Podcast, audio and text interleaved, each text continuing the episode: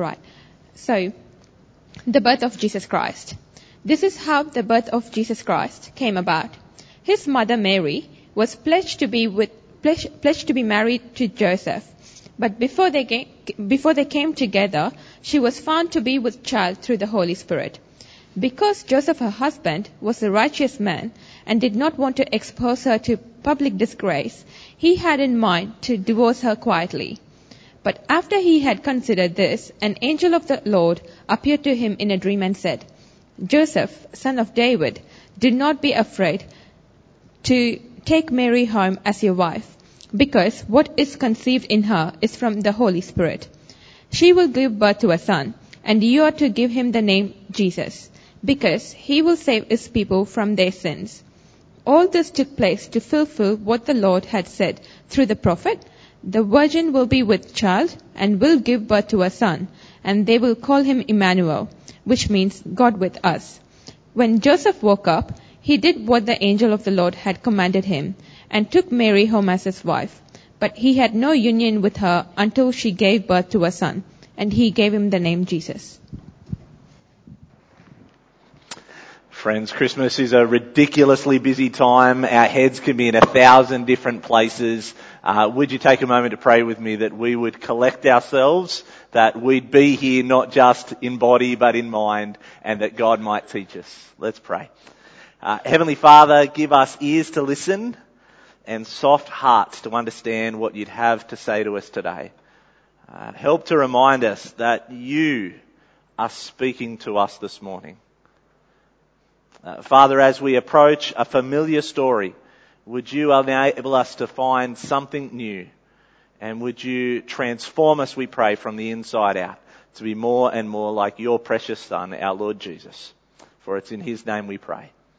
Amen. I want you to imagine it's Monday morning.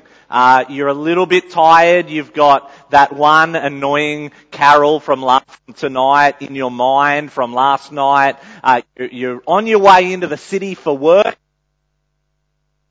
Arrives, uh, you jump in. Um, you think, okay, hot air rises, so I'm going to go down the steps. I'm going to try and find the least crowded seat. You sit down, you get yourself comfortable, you get your book or your crossword or whatever it is out, and the conductor, you get that ding ding, and the conductor comes on, the, the, the, the train driver comes on the radio, and the first thing he says is, do not be afraid. How do you think you're going to respond? The first thing you hear over the, over the loudspeaker is, fear not. I don't know, at that point I'm starting to freak out. At that point, I'm looking out the window expecting to see smoke. Um, I, I think that would be anything but comforting to me. I don't, maybe I'm not normal, I don't know. But that idea, it's kind of like Hitchhiker's Guide to the Galaxy, don't panic. Whenever I read that, I think, what's gone wrong? The angel, in every appearance over the Christmas story, when the angels appear to Mary, when the angels appear to Joseph, when the angels appear to the shepherds, one of the first things the angels say are fear not. Do not be afraid. And I'm guessing that's meant to be a comforting, warm, encouraging remark. But I reckon at that point, every one of them would have been freaking out just a little bit. Because we're all afraid of something, aren't we? Every one of us has something, whether it's a rational fear or an irrational fear, we're all afraid of something. What, what is it for you? Is it spiders? Heights? Enclosed spaces? Um, are you like my wife who has an irrational fear of clowns? Now that, that's, that's getting a little bit weird. Um, she tells me it comes from watching Stephen King's It uh, while she was growing up. Uh, there is a new version coming out, and I'm not allowed to go anywhere near it. Um, or for me, and, and, this might be even a little bit weirder, um, and I kind of freaked out when I was telling the story at ARV. Um, I have this totally irrational fear of holding cotton wool balls. Like they are so soft and disgustingly icky that if I put them in my hand, I have no idea why, but I cannot hold cotton wool balls without starting to shake at the knees. And so every time a kid has fallen over and needs the Dettol dabbed into them, I'm like, Sandy, that's your job. I just can't do it. Everybody has fears. If anybody had something to fear, Joseph would have been one of them. Joseph who had his life all planned out. Joseph who was going through the most beautiful, the most precious, the most exciting stage of life. Joseph who had it all in front of him. And in a dream, an angel approaches him and says, fear not.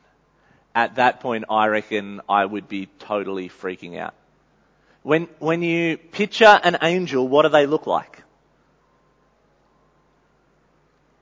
I, I had no idea. Uh, for example, until I recently watched the, uh, how, how many people saw the Bible miniseries that was on TV and DVD recently? Anybody? one person. Um, apparently angels are ninja samurais from Asia that have cool dual swords. Um, if you haven't seen it, you've got to check it out. The Sodom and Gomorrah scene is fantastic. Um, but an angel appears to Joseph and he's got some crazy scary news. If you've got a Bible or your phone, come with me to Matthew 1. Um, because over the course of this just two week series, we're going to see that the message was not just to Joseph to not be afraid, the message is to us too. Next week we're going to look at the idea of we don't need to be afraid about what God asks us to do. Today we're going to be looking at we don't have to be afraid of what people think. But starting in verse 18, Matthew 1, 18. This is how the birth of Jesus came about. His mother Mary was pledged to be married to Joseph but before they came together, she was found to be with child through the Holy Spirit. Because Joseph, her husband, was a righteous man and did not want to expose her to public disgrace, he had in mind to divorce her quietly. Uh, a little bit of context. At this point, they are engaged. We don't know how old Joseph was, but we would guess that Mary would be somewhere in the order of 14 to 16. Very young, whole life ahead of her. And engagement was very, very different to today's culture. In today's culture, it seems like anyone and everyone, the cool thing to do is to get engaged. You meet someone who likes you a little bit, you go out ring shopping, engagement's sort of just the next step. And you can get out of an engagement just as quickly as you can get into an engagement. But that wasn't the so back in Mary and Joseph's day. That wasn't the case. Back then, an engagement was a binding kind of thing. So much so that if you wanted to break an engagement, you actually had to go through the process of divorce in the same way as a married couple would. Which kind of makes sense about the old idea of Joseph wanting to divorce her quietly. Couldn't he have just given her the ring back? No, engagement is very different. Why was he wanting to be a righteous man? Why didn't he want to expose her to public disgrace? Because Mary, as an unmarried young woman,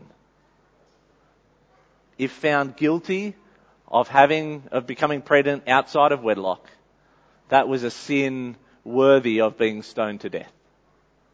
It was a big, big deal. How Joseph must have loved her. Because can you imagine the breakfast conversation when this whole thing came out? I, I kind of picture it, it's a Sunday morning, uh, in their local town and every Sunday morning Joseph jumps on his camel and goes over to Mary's place for pancakes. Mary makes these beautiful smelling pancakes and this particular morning the pancakes smell really good. And so he comes in and he, he, thinks something must be going right. She's making really nice pancakes. This is going to be a really special day. But she doesn't have a happy look on her face.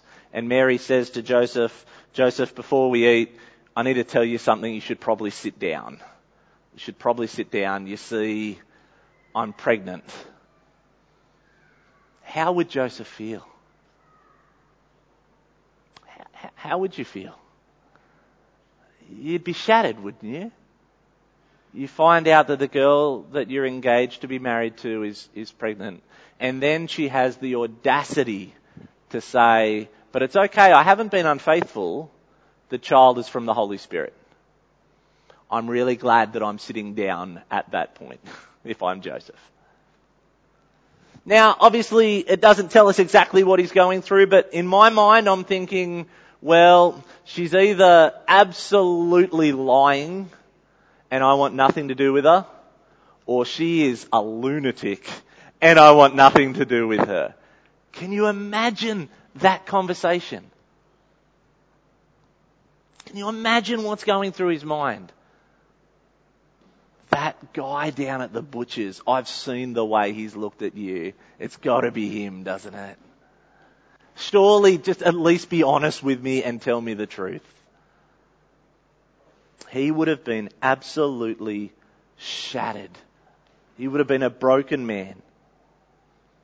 And because he loved her so much, I'll do it on the quiet. No one needs to know. Maybe Mary can go and live off with her uncle in some far distant land and start afresh. Maybe she doesn't need to be stoned. Joseph would have been a completely broken man until everything changes in verse 20. But after he had considered this, an angel of the Lord appeared to him in a dream and said, Joseph, son of David, do not be afraid to take Mary home as your wife, because what is conceived in her is from the Holy Spirit. She will give birth to a son, and you, you are to give him the name Jesus, because he will save his people from their sins. I think the only thing more disconcerting than having your pregnant virgin wife tell you that she's about to have a baby would be to have a dream where an angel appears to you and says the whole thing's right, go along with it, you'll find out what happens later. It must have been a freaky kind of dream. And at that point, Joseph has a clear decision to make. Will he do what pleases people or will he do what pleases God? Will he choose people pleasing or God pleasing? Because can you imagine what those next nine months must have been like for him? Every time he goes to work and he sees two people back by the water cooler at the back and they're chuckling to each other and then the minute they look at you they stop and don't say anything, you know that every conversation is about, oh there's that sucker Joseph with the Immaculate Conception wife. She must have been, you know, doing something wrong and he's such a fool that he's staying with her. Can you imagine the level of public scrutiny that this man would have gone through? And all of this would have been flooding through his mind. If I make the decision to do what God is telling me to do, the next nine months, if not the rest of my life, is going to be defined by this decision. People are going to look at me and they're going to say I'm crazy. They're going to say I'm gullible.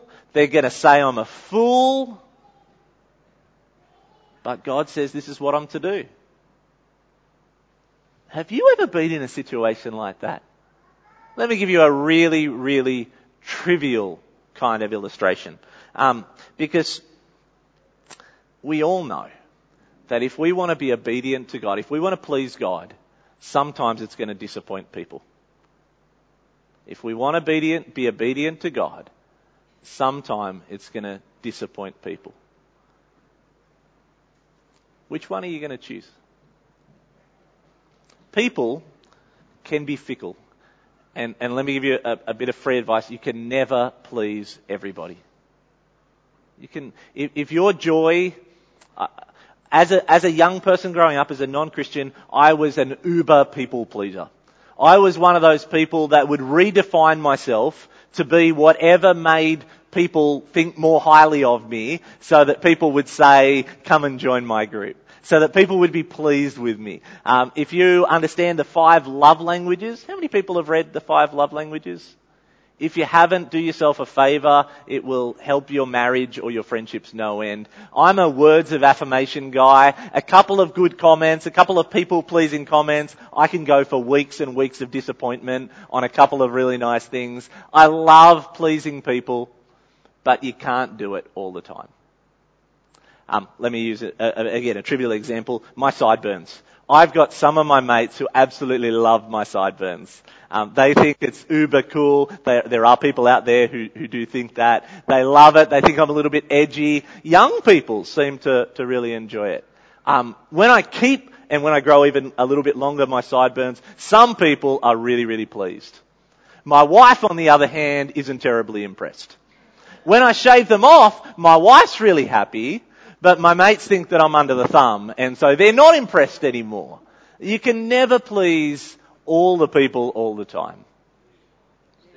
Stick with your wife. Yeah. Yeah, yeah. She's the one who's contracted to be with me though, so in theory. But that, that is a really trivial example, isn't it? But it's so true. In nearly every decision that we are called to make, we can see two sides. We can look to please people, and generally that's the thing that feels most right, the easiest, the least painful decision, or we can choose to be obedient to God. And in that moment, what's really going on inside our heart is going to be tested. Is life really all about me and me being thought well of? Or is life all about Jesus? Is God the most important? How, now I think if you're here this morning, you probably know which way you want to go. Everyone here was probably thinking, I know I want to please God. How do we do that when the voice of people rings so loudly in the back of our mind? How, how can we be like Joseph, who in verse 24, when Joseph woke up, he did what the angel of the Lord had commanded him and took Mary home as his wife. He, he surveyed the pros and cons. He saw the pain it was going to cause. He saw the inconvenience. He saw the frustrations. And yet he chose to do the right thing. He chose to please God and not people. How can we be like that? I think it's a really simple, not very profound answer. The more we think about pleasing people, the easier it is. The more we think about pleasing God, the softer people's voices sound. The more we think about what pleases God, the softer people's voices sound. And that at Christmas time is perhaps easier to do than any other. In one sense, in one sense it's a lot harder because when I understand the gospel, I realize that on my very best day, the day that I get up three hours before my, my day starts in order to pray, the day that I do twice the Bible reading that I expected to do, the day that I am on fire with self-control, the day that I'm helping old ladies across the street, the day that I'm doing all the good Christian things, Without Jesus, God looks at me and He is not pleased. Without Jesus in my life, if I, I am the, on my very best day, God looks at me and says, you don't stack up. That's a humbling thing. Because if I'm like that on my best day, how much more is God going to look down on me on my worst day? And I've got to say, most days are far closer to my worst days than my best days, as described like that. If I'm going to be thinking about what pleases God, and I know that even my best days don't please Him, what hope do we have? Well, friends, that's there in our passage too, isn't it? From verse 21, Mary will give birth to a son, and you are to give him the name Jesus, because he will save his people from their sins. The reason Jesus came, the reason that God Himself entered the world that He created, was to bring for the Father glory. And so that you and I don't need to be hamstrung by our lack of obedience.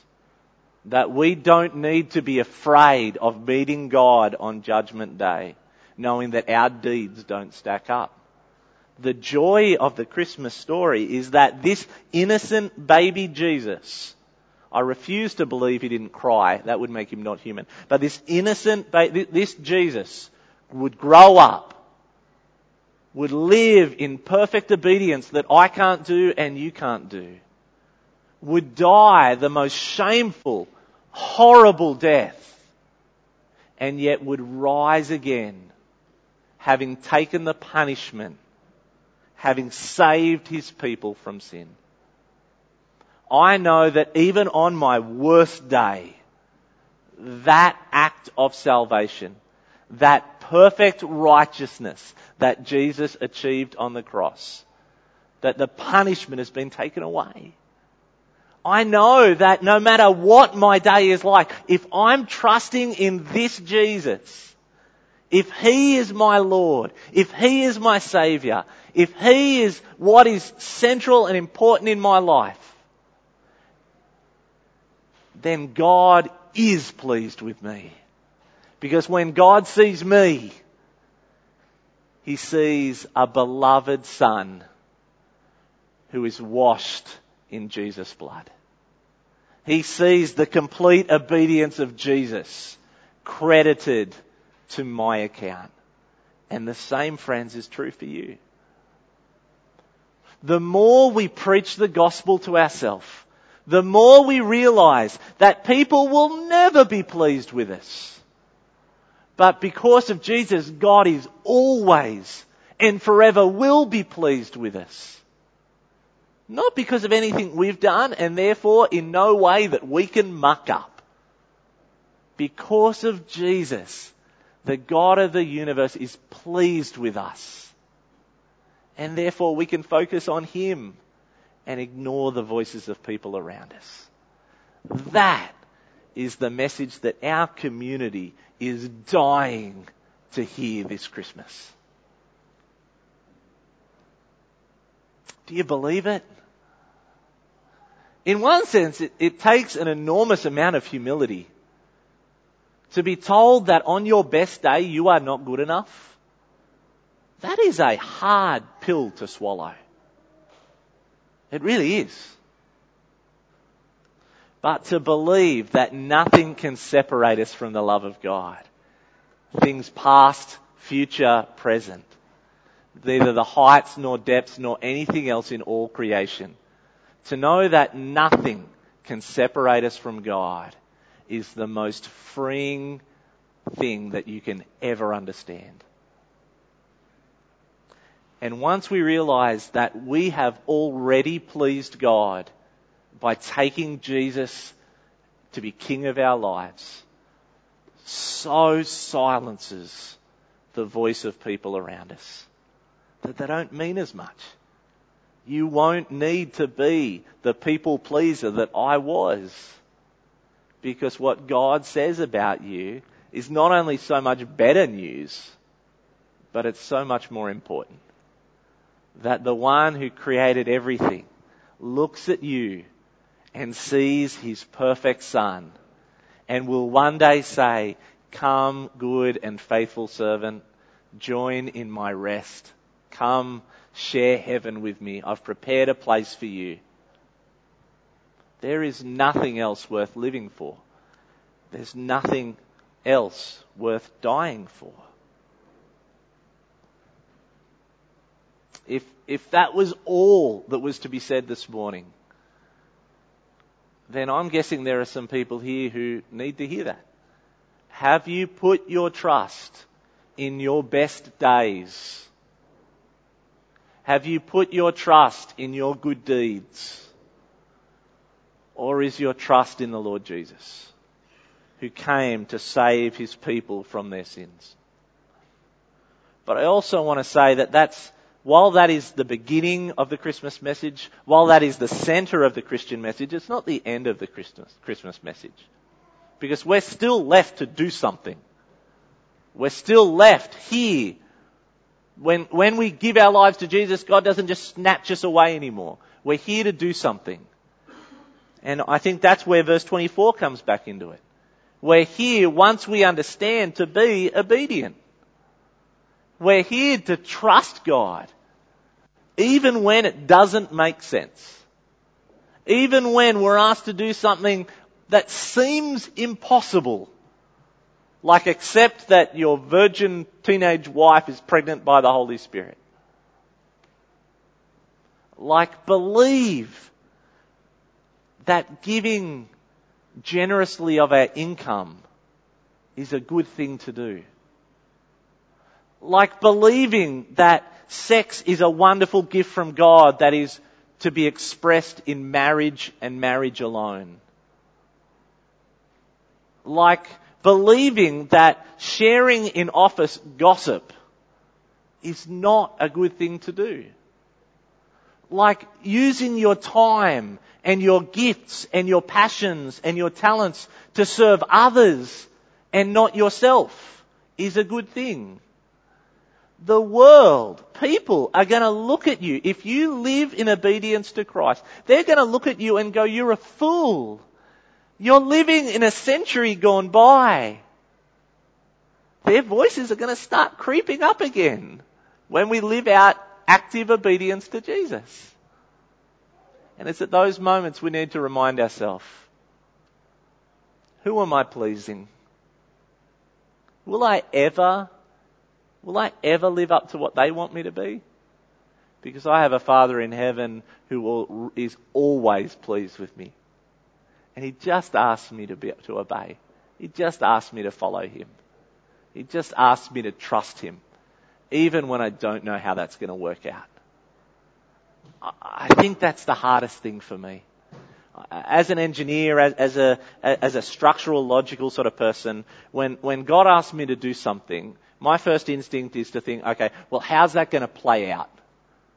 What, what's the end goal?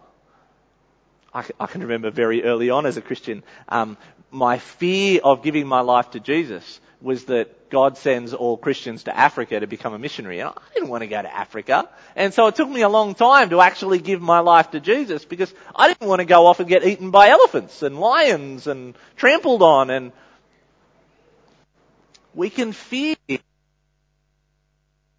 the future. We can fear the what ifs and it can stop us from being obedient right now. And God's saying, fear not. God is saying to you and me this morning, you don't need to fear what's going to happen.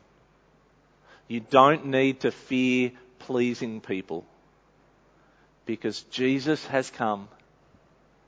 Salvation has arrived. And I'm never ever going to put, ask you to do something or put you in a position that is going to get in the way of Christ's love for you. Friends, this Christmas, would you have that on your heart? This Christmas, as we approach a story that we've probably heard 10, 20, 30, 60 times before, when we're so tempted to think about Christmas lunch, when the world's telling us that Christmas is all about family, will we remember that the God of this Joseph, the father of this Jesus, gave his life so that we might be pleasing to him and so that we can trust him in the smallest steps of obedience, whether or not we know where it's going to take us. If that's what we have in mind this Christmas, it's going to transform lives and change a community. Isn't that our prayer? Let's pray. Heavenly Father, we give you great praise that we don't need to be afraid. That we don't need to be swept about in the waves, tossed about by the breeze, trying to please people. But through nothing that we've done, and all because of Jesus, we are completely pleasing to you. And all you ask us to do is to trust you and to step out in small, sometimes unknowing, but secure steps of faith. Father, every one of us here knows areas in our lives where you're telling us to do something. You're, you're putting out an invitation to go one way. would this message, would, would your words to us this morning to fear not, give us the, all the encouragement we need to serve you today and every day that you give us. In Jesus' name. Amen.